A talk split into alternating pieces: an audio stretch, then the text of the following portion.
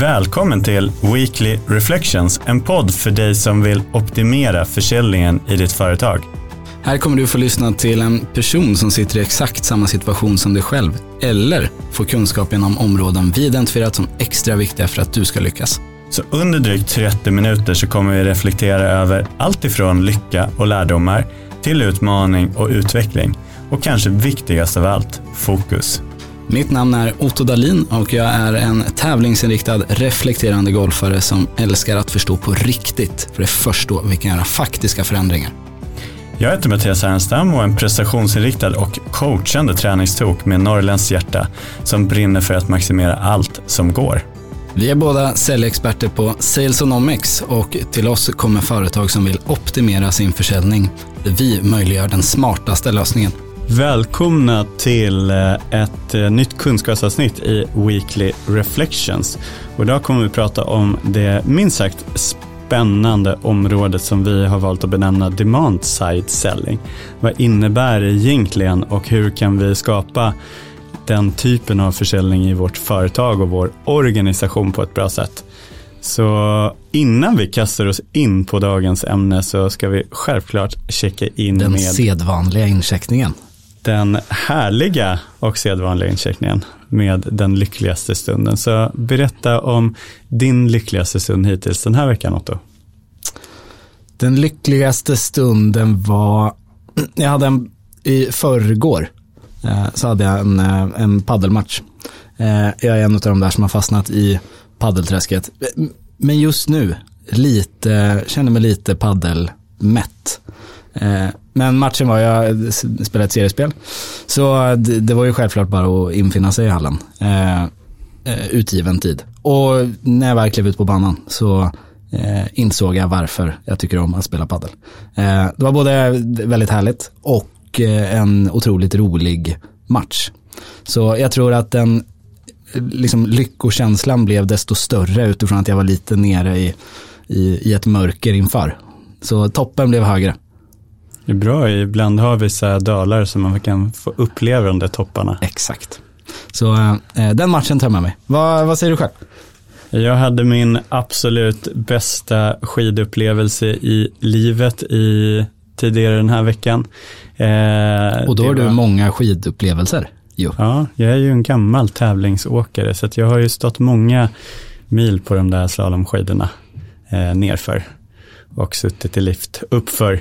Men det var en helt magisk dag. Det var liksom eh, typ en plusgrad, strålande sol, nypistat, hade kommit nysnö under helgen. Eh, så det var bara så här magi deluxe. Så då tankade jag massor av energi. Härligt. Men eh, låt oss kasta oss in på eh, dagens ämne demand side selling. Vad är det egentligen? Och demand side selling har väl egentligen myntats för drygt två år sedan eh, av några personer som jobbade med ett koncept som kallas för jobs to be done. Och det är egentligen en, vad ska man säga, en produktutvecklingsfilosofi. Att istället för att utveckla produkter och sen försöka sälja dem så handlar det om att först gå och intervjua kunderna.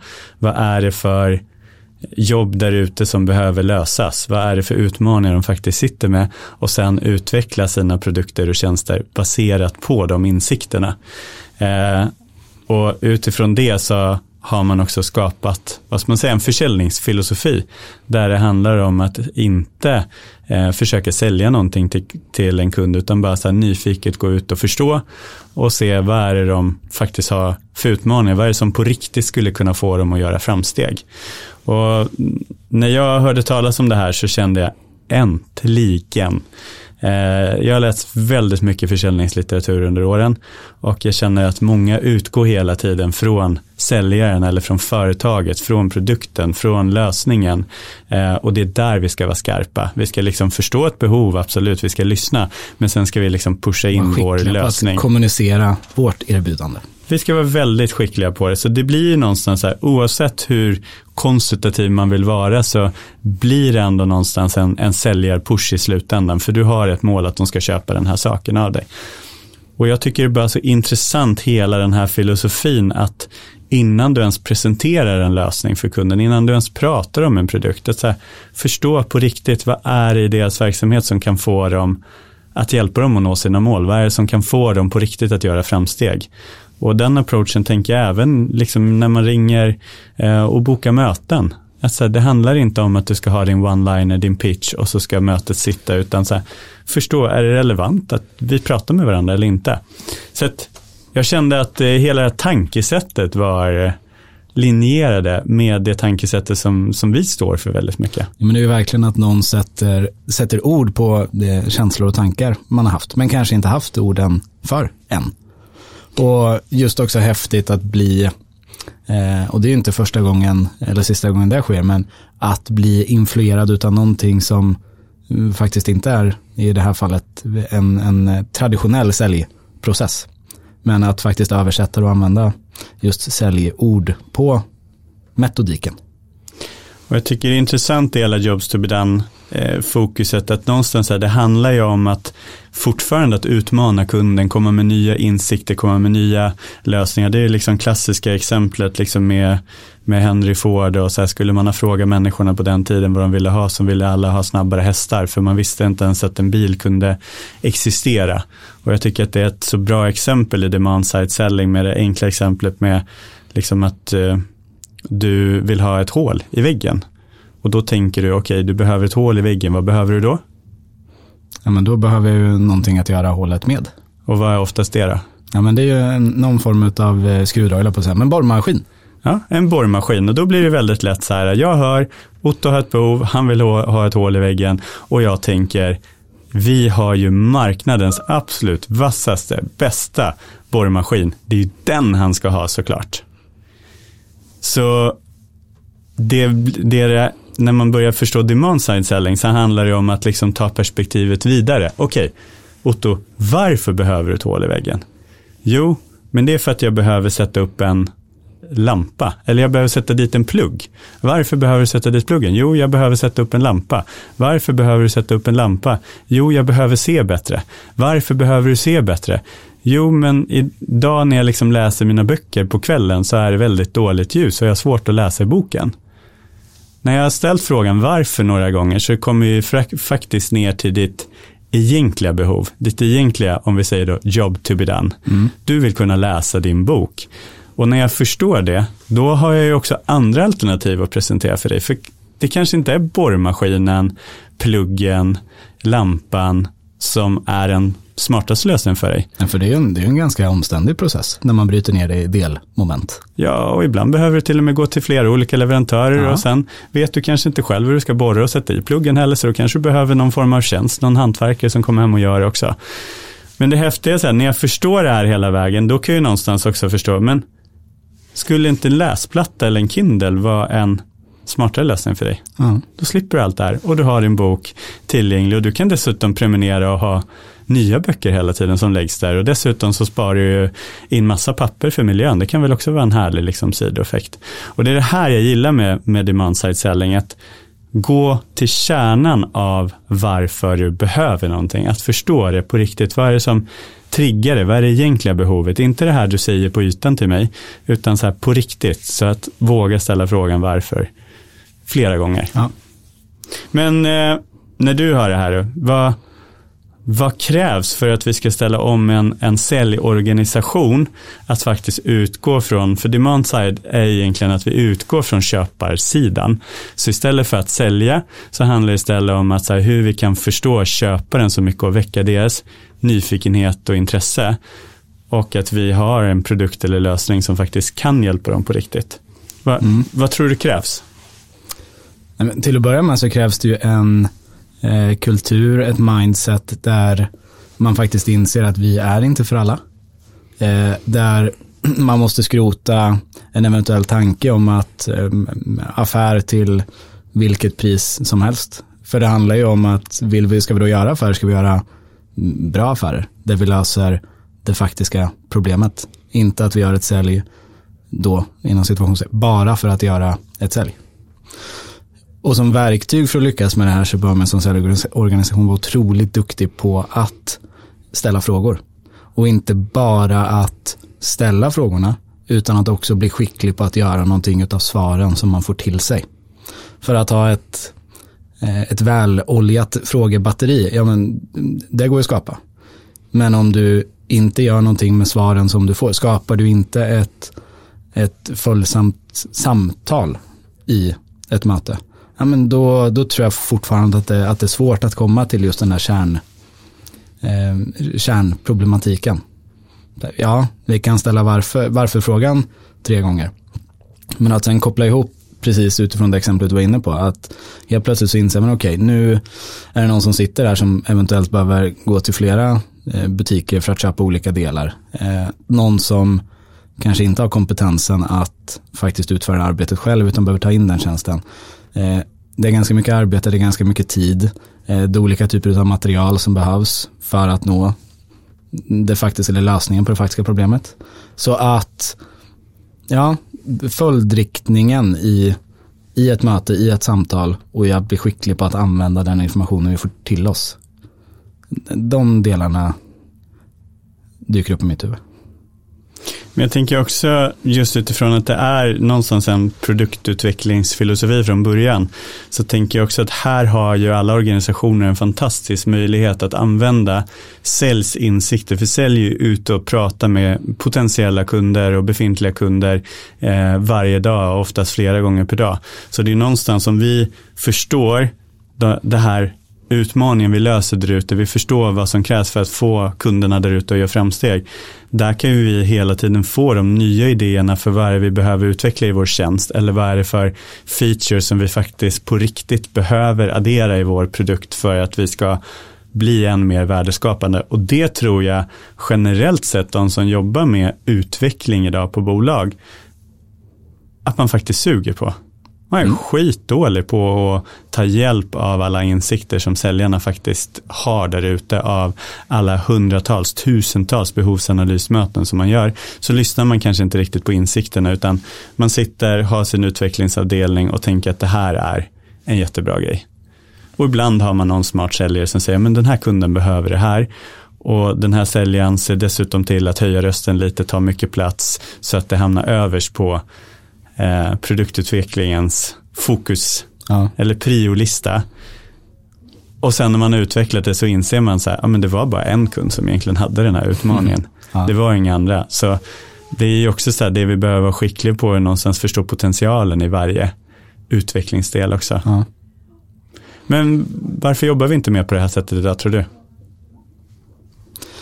Jag tror dels så tror jag att vi präglar utav det vi har pratat om i, på olika sätt i eh, avsnitt eh, tidigare. Men vi är, vi är lite, dels så tror jag att vi är lite sido, silo-skolade i att så här, sälj är sälj och inte ovanligt så, ja men sälj håller sig lite grann på sitt eget, på sitt eget hörn i en organisation. Eh, jag tror att det finns mycket eh, stolthet och ovanor Eh, samma sak där, sälj sälj, det gör vi på det här sättet. Vi har en enorm stolthet inför eh, att vi är skickliga på att presentera eh, vår lösning. Eh, det tror jag är en, en, stor utmaning till att överhuvudtaget börja tänka i de här banorna. För du var också inne på är ju ett ökat eh, samarbete internt.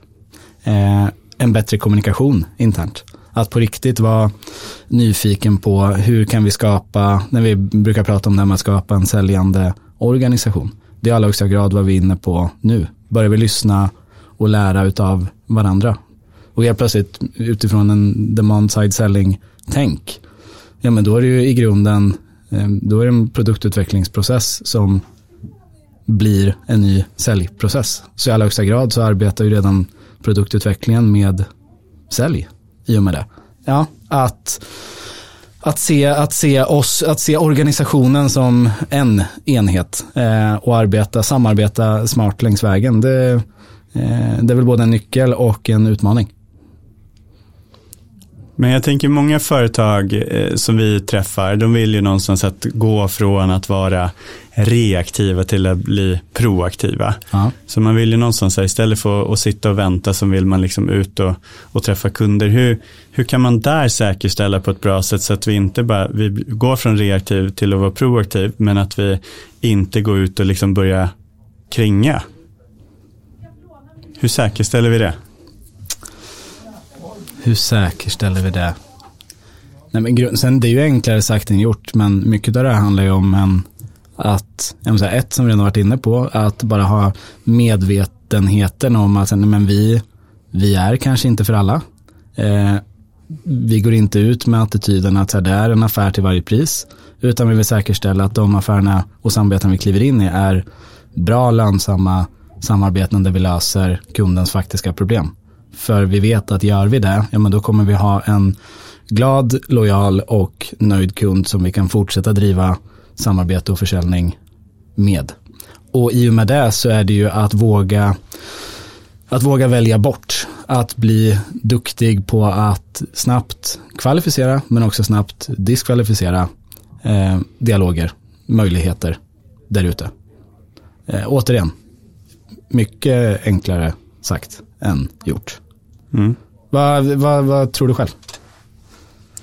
Men det, jag, det jag tror, som du är inne på väldigt mycket, det handlar om att först våga göra sina val. Alltså någonstans här, du, det är få som kanske har lyxen att börja från ett helt blankt papper, utan ofta så har du en produkt eller lösning du faktiskt vill sälja ut till en kund.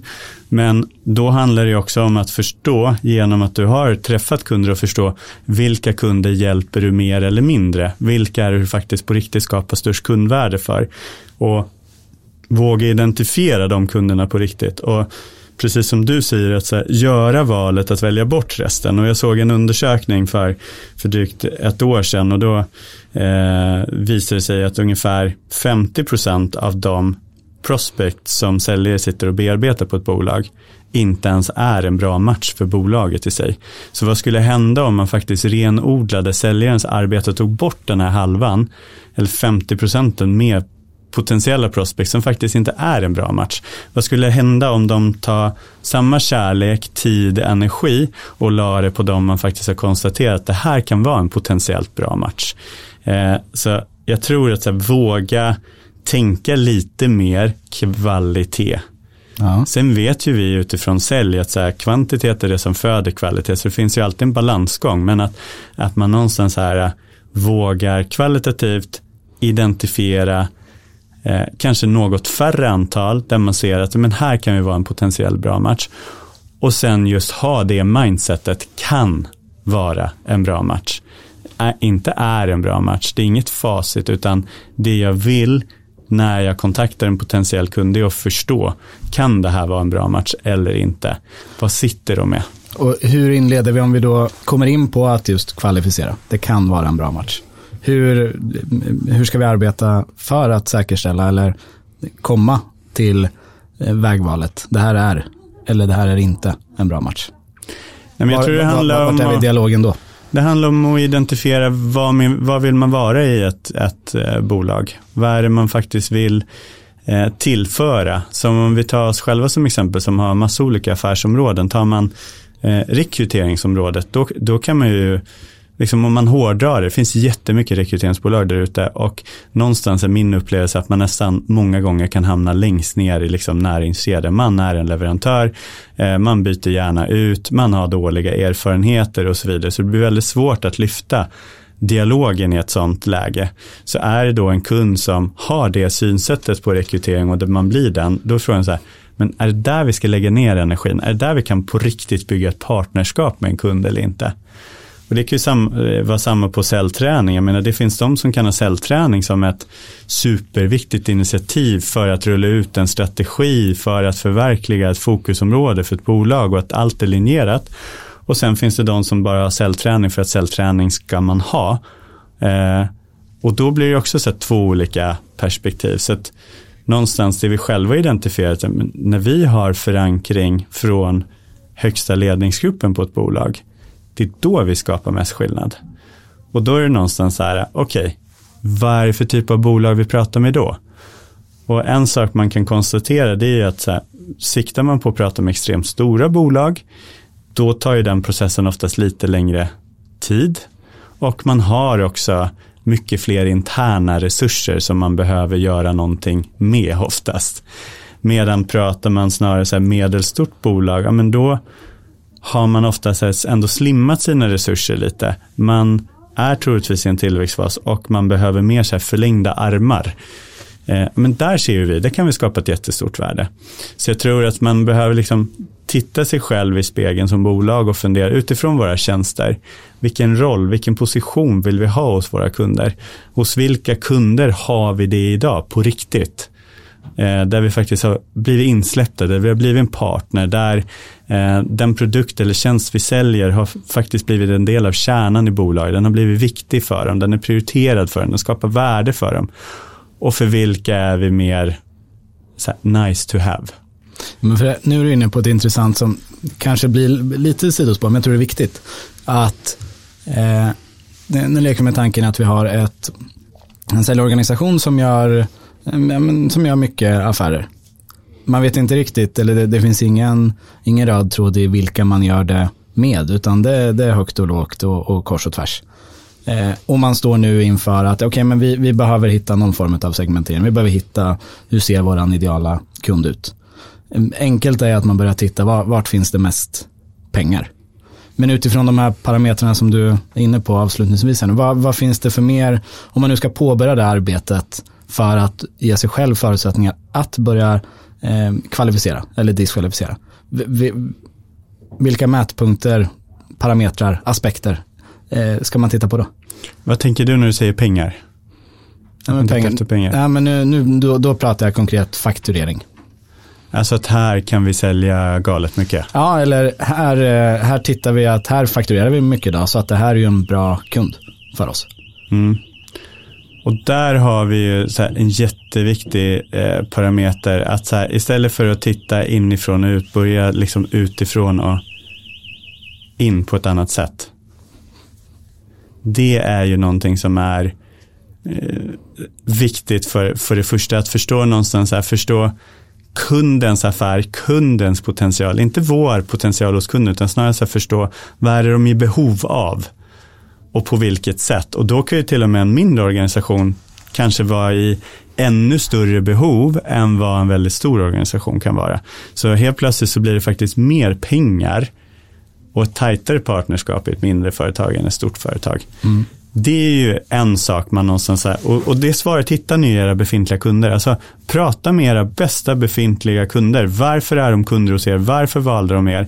Vad är det för värde som har skapats hos er? Där hittar ni jättemycket av svaren. Eh, och då kan man någonstans här, när du, när du identifierar tre, fyra, fem eller tio sådana kunder, kolla, vad finns det för gemensamma nämnare hos dem? Fanns det någonting som triggade att de behövde er. Fanns det någonting som hände? Vi kan ju till exempel alltid se att när ett företag bestämmer sig för ett nytt tillväxtmål, då triggas våra tjänster.